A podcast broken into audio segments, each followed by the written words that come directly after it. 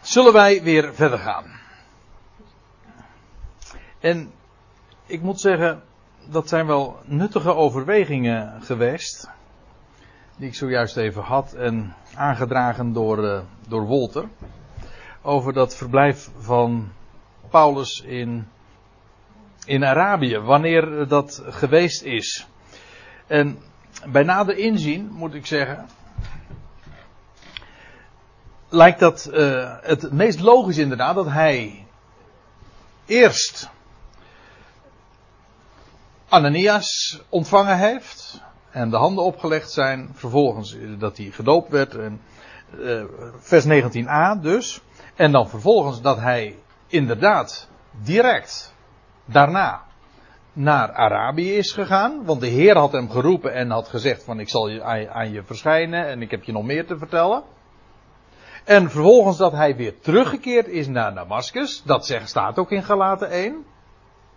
En dat hij dan, en het geschiedde toen Saulus enige dagen bij de discipelen te Damascus was, dat hij terstond in de synagoge verkondigde dat Jezus de Zoon van God is. Dat wil zeggen, na zijn verblijf in Arabië. Ik heb eerlijk gezegd tot vanavond gedacht dat dat uh, vers 19b ook sloeg op voordat hij de reis maakte naar Arabië. Maar nu ik dit zo overweeg, lijkt mij dit veel logischer dat hij inderdaad linea recta. Hij is geroepen. Ananias heeft hem ontvangen. Zijn ogen zijn geopend. En dat hij meteen terstond. Juist ook omdat Paulus dan zegt. In, uh, in Galaten 1. Ik ben uh, niet te raden gegaan met vlees en bloed. Nee, ik ben terstond. Zo was het toch? Dat waren toch de woorden die hij in dat verband bezigde. Opdat ik hem onder de natie verkondigde, ben ik geen ogenblik te raden gaan met vlees en bloed. Ook ben ik niet naar Jeruzalem gereisd, die reeds voor mij apostelen waren. Maar ik ben naar Arabië vertrokken. Gewoon zoals dit zich voordoet, is inderdaad, hij is. Zijn ogen waren geopend en hij is naar Arabië gegaan. En vervolgens zegt hij, en, en vandaar naar Damascus teruggekeerd. En dan zijn we inderdaad in vers 19b. En omdat dit een inzicht is die zich ter plekke tijdens de studie aan mij voordoet, heb ik dit dus niet in mijn dia's kunnen verwerken. Maar goed, ik kan het nu wel uh, zo vertellen. En ik wil daar best nog eens een keertje uh, ook een, een blogje aan wijden. Ik vind dit boeiend genoeg. Sorry? Er zit drie jaar tussen. nee, er zit drie jaar tussen zijn roeping en zijn eerste komst in Jeruzalem. Dan, want zo zegt hij het. Ik ben niet naar Jeruzalem, ik ben naar uh, Arabië vertrokken, vandaar naar Damascus teruggekeerd. En dan staat er, uh, zegt hij in Galaten 1, daarop ging ik drie jaar later naar Jeruzalem. Dat wil zeggen, laat, drie jaar na mijn roeping op de weg naar Damascus. Dus hij is geroepen, nog een keer, hij is geroepen. Zijn ogen zijn geopend. Hij is naar Arabië gegaan. Vervolgens naar Damascus teruggekeerd. Daar heeft hij in de synagoge verkondigd. Uh, daar uiteindelijk werd er een moordaanslag op hem beraamd. En toen is hij naar Jeruzalem gegaan. Nou, en dat is waar Handelingen 9 ook over spreekt. Maar dus inderdaad dat hij meteen na zijn roeping en nadat zijn ogen geopend zijn, direct naar Arabië is gegaan. Dat lijkt me het meest voor de hand liggende scenario. Maar het blijft uh, opmerkelijk dat uh, dat verblijf in uh, Arabië wel door Paulus heel uitdrukkelijk vermeld wordt als hij zelf zijn relaas doet, maar in het boek Handelingen dat ontbreekt dat. Het heeft dus ook heel duidelijk te maken met de verborgenheden die hem bekendgemaakt zijn. Maar goed, dat is weer een ander onderwerp. We hebben het nu dus over Handelingen 9. En we waren dus in vers 20, hij, dat hij terstond, als hij daar in Damascus is, de, in de synagoge verkondigde dat Jezus de Zoon van God is. En allen die het hoorden, nou dat kun je je voorstellen, en allen die het hoorden stonden verbaasd. Ik heb dat woord nog eens eventjes bekeken in de concordantie, maar dan zie je dat dit specifieke Griekse woord, het wordt vertaald met uh, buiten zichzelf zijn, ontsteld zijn, verbijsterd zijn, verbaasd, zoals hier ook, versteld. Dat is het. En al die weergaven zeggen natuurlijk genoeg, namelijk verbijstering, ontsteltenis, verbazing, opperste verbazing over, over wat er met die Saulus van Tarsus is gebeurd. En ze zeiden, is dit niet die man die te Jeruzalem uh, uitroeide? Dat woord, dat is ook Paulus' de eigen terminologie. Hè? Hij zegt in, in, in oh, nou zijn we weer in gelaten 1. Dan zegt hij van, ik heb gehoord, ik heb de gemeente gods bovenmate, of letterlijk, zoals we al eerder gezien hebben, overtreffend vervolgd en getracht haar uit te roeien. Hetzelfde Griekse woord. En later in gelaten 1 vers 23, dan staat er, en alle hoorden zij telkens, hij die ons vroeger vervolgde, verkondigt nu het geloof dat hij tevoren trachtte uit te roeien. Hetzelfde woord. Ja. Is dit niet die man die te Jeruzalem uitroeide? Wie deze man, wie deze, deze naam, de naam namelijk van Jezus, aanriepen? En die, hier, en die hier in Damascus nu gekomen is met het doel hen gevankelijk, dat wil zeggen uh, gebonden, gevangen genomen, uh, voor de overpriesters te brengen. Dus inderdaad, Saulus was daar naar Damascus gegaan met de, met de missie van de hoge priesters, met de papieren, gevolmachtigd, van de, de, het dagelijks bestuur zeg maar, van het Sanhedrin, de hoge, de hoge priesterlijke elite, om die, al die discipelen gevangen te nemen en naar Jeruzalem te brengen. Oh, hier ligt uh, een kan hoor. Hier staat een kan. Nee, ik heb. Oké, oké. En dan staat er in vers 22, maar Saulus trad steeds krachtiger op. Er staat een Grieks uh, een woord, en dynamo. En dat, dat betekent dus letterlijk uh, in vermogen. Dynamo, dynamisch, dynamiet. Het heeft te maken met kracht en met vermogen. Hij werd steeds meer vermogend. Later zegt hij, ik vermag alle dingen hè, in hem die mij kracht heeft. Maar dat, dat woord. Doch Saulus trad uh, steeds krachtiger op. U, u, ziet het. Saulus echter, veel eer, werd bij machten gemaakt. Dat vind ik nog veel mooier trouwens. Veel eer. Die verbazing, die verbijstering, die zich daar in Damascus onder de Joden uh, meester maakte. Wel, het, Saulus werd slechts meer bekrachtigd. En hij bracht de Joden die te Damascus woonden in verwarring. Dat kun je wel voorstellen. Hij bracht ze in verwarring door te bewijzen dat deze, Jezus namelijk, de Christus is. Te bewijzen. Er staat in de. Hoe, staat het in de Statenvertaling? Heeft iemand dat? Dus vers 22. Tot Saulus werd meer en meer bekrachtigd en overtuigd. En overtuigde de Joden die de Damascus wonen verwijzende deze de Christen is. Oké. Oh ja, hij, maar ook hier trouwens eh, hoor ik ineens jou zeggen. Hij werd steeds meer bekrachtigd. Ja, dat is het. Hij werd steeds meer be bekrachtigd. En door te bewijzen, dat het woord, dit is niet het gewone woord voor bewijzen. Het, het is het woord dat afgeleid is, dat als je het ontleedt, dat betekent samen stappen. Het idee is dus, hij nam ze als het ware bij de hand en hij liet hen zien. Vandaar ook dat het vertaald wordt met concluderen zelfs. Dus samen de conclusie trekken. dus je, je laat dingen zien en uh, je laat nog andere dingen zien. Je gaat stap voor stap, gezamenlijk, door de materie heen, door de, de boeken heen. Je laat dingen zien en allemaal zie je het. En samen stap je er doorheen.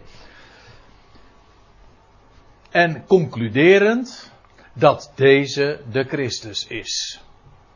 Nou, dat als, als Saulus, of Paulus later, in de synagoge kwam, dan was dit standaard zijn bezigheid. Overal waar je dit leest, dat hij in de synagoge komt, dan doet hij niet anders dan bewijzen vanuit hun eigen Bijbel, vanuit de, hun Tenach, ons Oude Testament, bewijzen wie de Messias is. Namelijk dat Jezus volledig beantwoordt aan dat profiel. In Handelingen 17, vers 3, dan lees je dat Paulus in de synagoge van Thessalonica is. En dan lees je. En Paulus ging, zoals hij gewoon was, daar binnen. Dat wil zeggen in de synagoge.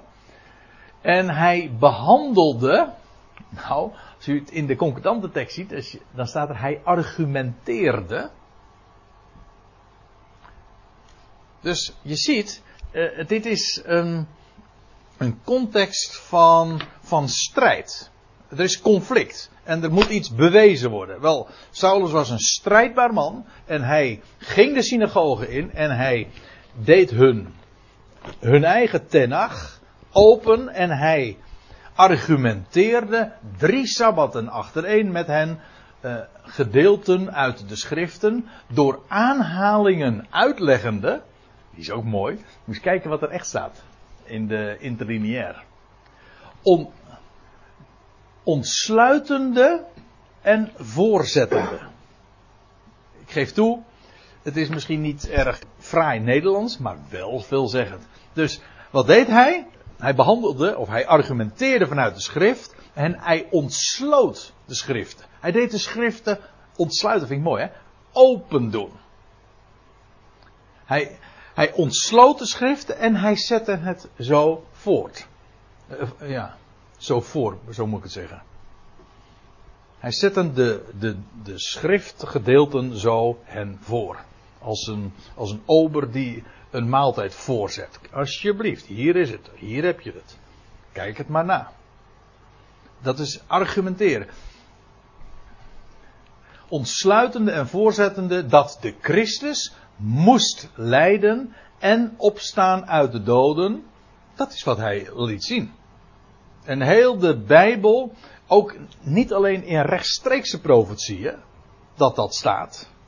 Maar ook in vele typen, verhalen. Een David die uh, verworpen wordt en dan een hele tijd, hoewel hij de koning is, uh, vervolgd wordt door Saulus. Hè?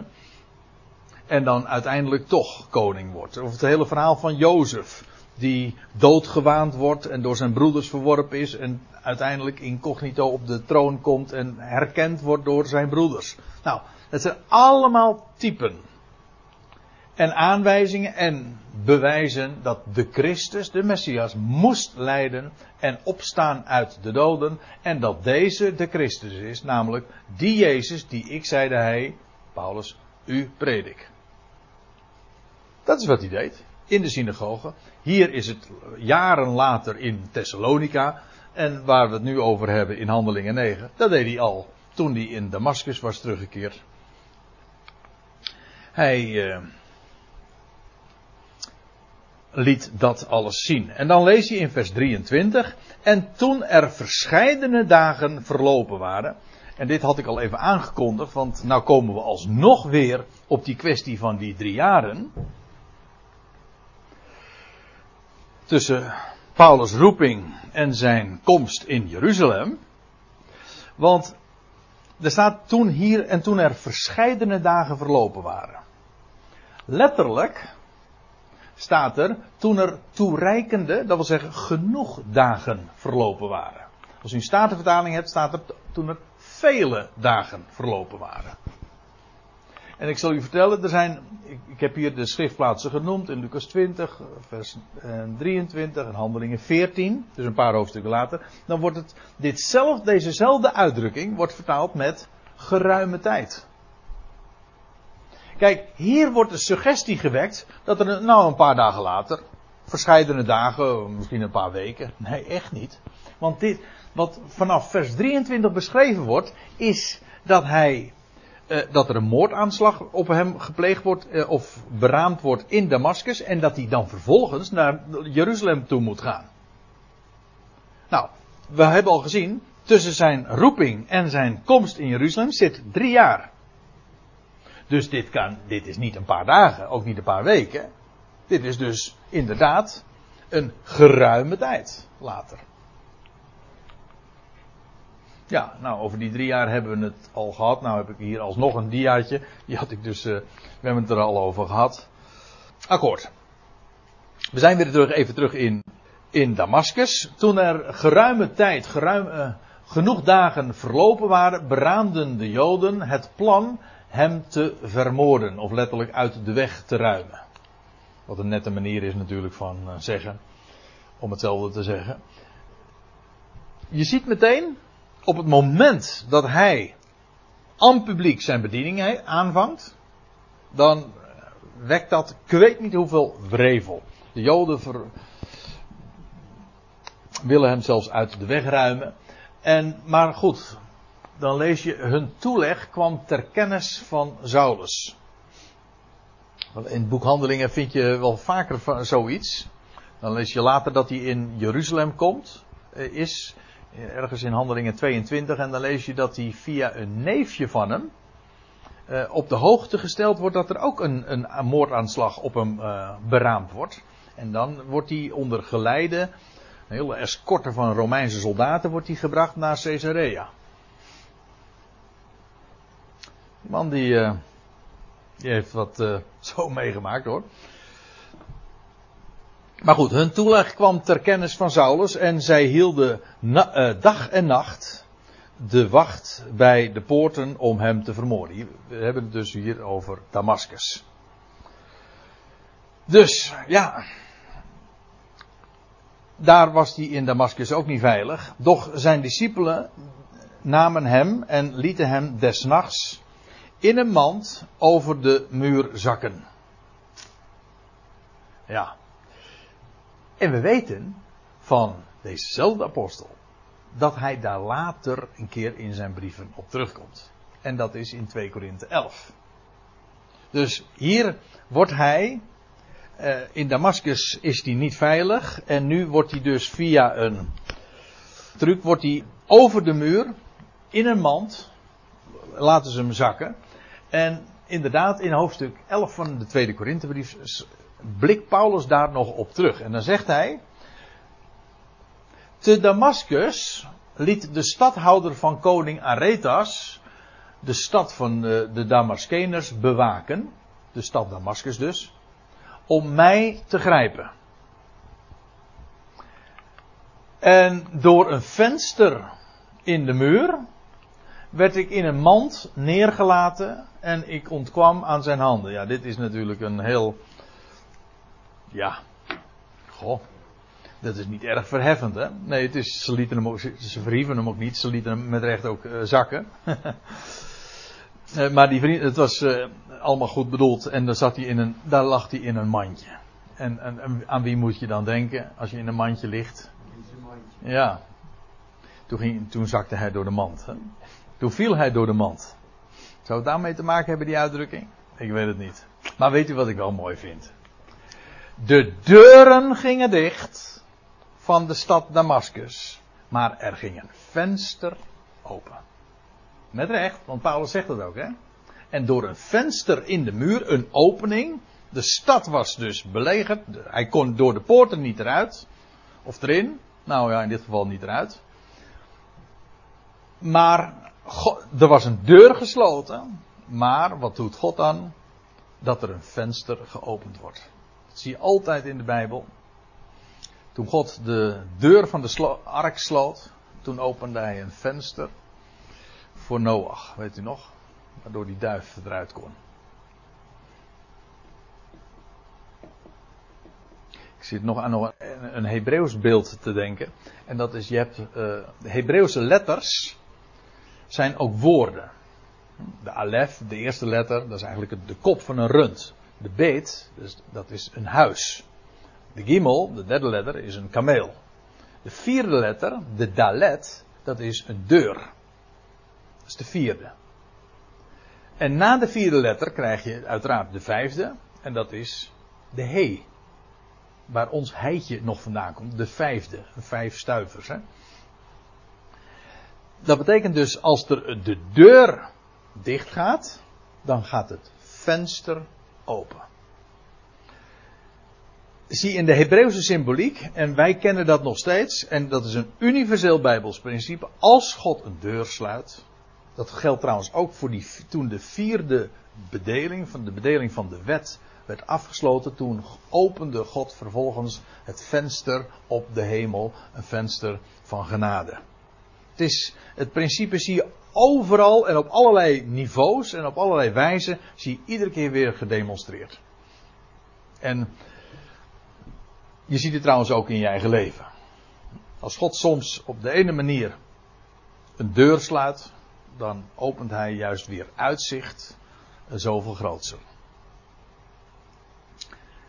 Maar goed, in het leven van, van Saulus zien we het hier ook gedemonstreerd. Oh ja, de verspieders, daar denk ik dan ook nog aan. Die, de verspieders eh, in de dagen van Jozua, die werden ook via de muur vrijgelaten. Waar vervolgens uit die muur ook een scharlaken koord kwam te hangen. En dat werd een symbool juist van redding. De poort was voor hen gesloten, maar een venster ging er open. Met het scharlaken koord. Met al die dingen die ik nu naar voren breng, daar zit zoveel, er zit zoveel symboliek, zoveel in verborgen. Nou, en dan lees je in vers 26 en te Jeruzalem aangekomen. En dat is dus inderdaad drie jaar na zijn roeping, dat kan niet anders. Toch? En te Jeruzalem aangekomen, dat is drie jaar. Die drie jaar waar, hij in, uh, waar we het nu al diverse keren over hebben gehad vanavond. Waar hij over spreekt in Galaten 1 vers 18. En te Jeruzalem aangekomen, trachtte hij zich uh, bij de discipelen te voegen. Hij beproefde het, maar dat viel niet mee. Want staat er, allen schuwden hem, allen vreesden hem. En dat is natuurlijk niet zo gek. Uh, daar zij niet konden geloven. Nou, er staat eigenlijk niet, ze konden niet geloven, ze geloofden het niet. Ziet u? Ze niet gelovende dat hij is een discipel, dat hij is een leerling. Ja, wat hebben ze gedacht? Dat hij zich wellicht zo voordeed. Je kunt je heel goed voorstellen dat daar in Jeruzalem een enorme argwaan geweest moet zijn. Ten opzichte van, is hij een echte leerling? Of is hij eigenlijk alleen maar een geheim agent die zich nu op deze manier voordoet, maar alleen maar om later nog een veel grotere slag te slaan? Zo. In elk geval, ze geloofden hem niet. En dan is het vervolgens Barnabas die uh, zich uh, het lot van deze Saulus aantrekt. Ik, ik, wil de volgende keer eigenlijk beginnen met uh, wat meer te vertellen over die Barnabas. Want die Barnabas, ja hallo, die gaat een hele grote rol spelen. Vervolgens in de geschiedenis samen met Paulus. Paulus en Barnabas die erop uittrekken. En die ook afgevaardigd worden naar de natieën. Maar hier wordt hij als eer, voor het eerst genoemd in relatie tot, tot Saulus. En die bracht hem dan inderdaad bij de apostelen.